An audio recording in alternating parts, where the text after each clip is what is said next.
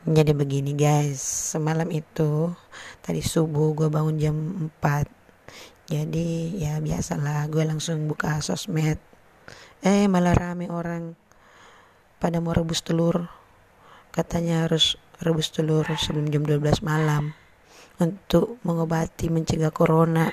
Gara-gara ada bayi yang baru lahir Langsung bisa bicara dan nyuruh kita makan telur rebus Hade, beginilah kalau orang baru pegang HP, baru kenal internet, sekali dapat informasi langsung di share, di share langsung dibagikan. Hade, besok pasti atau hari ini maksud saya pasti harga telurnya mahal lagi. Aduh, beginilah Indonesia.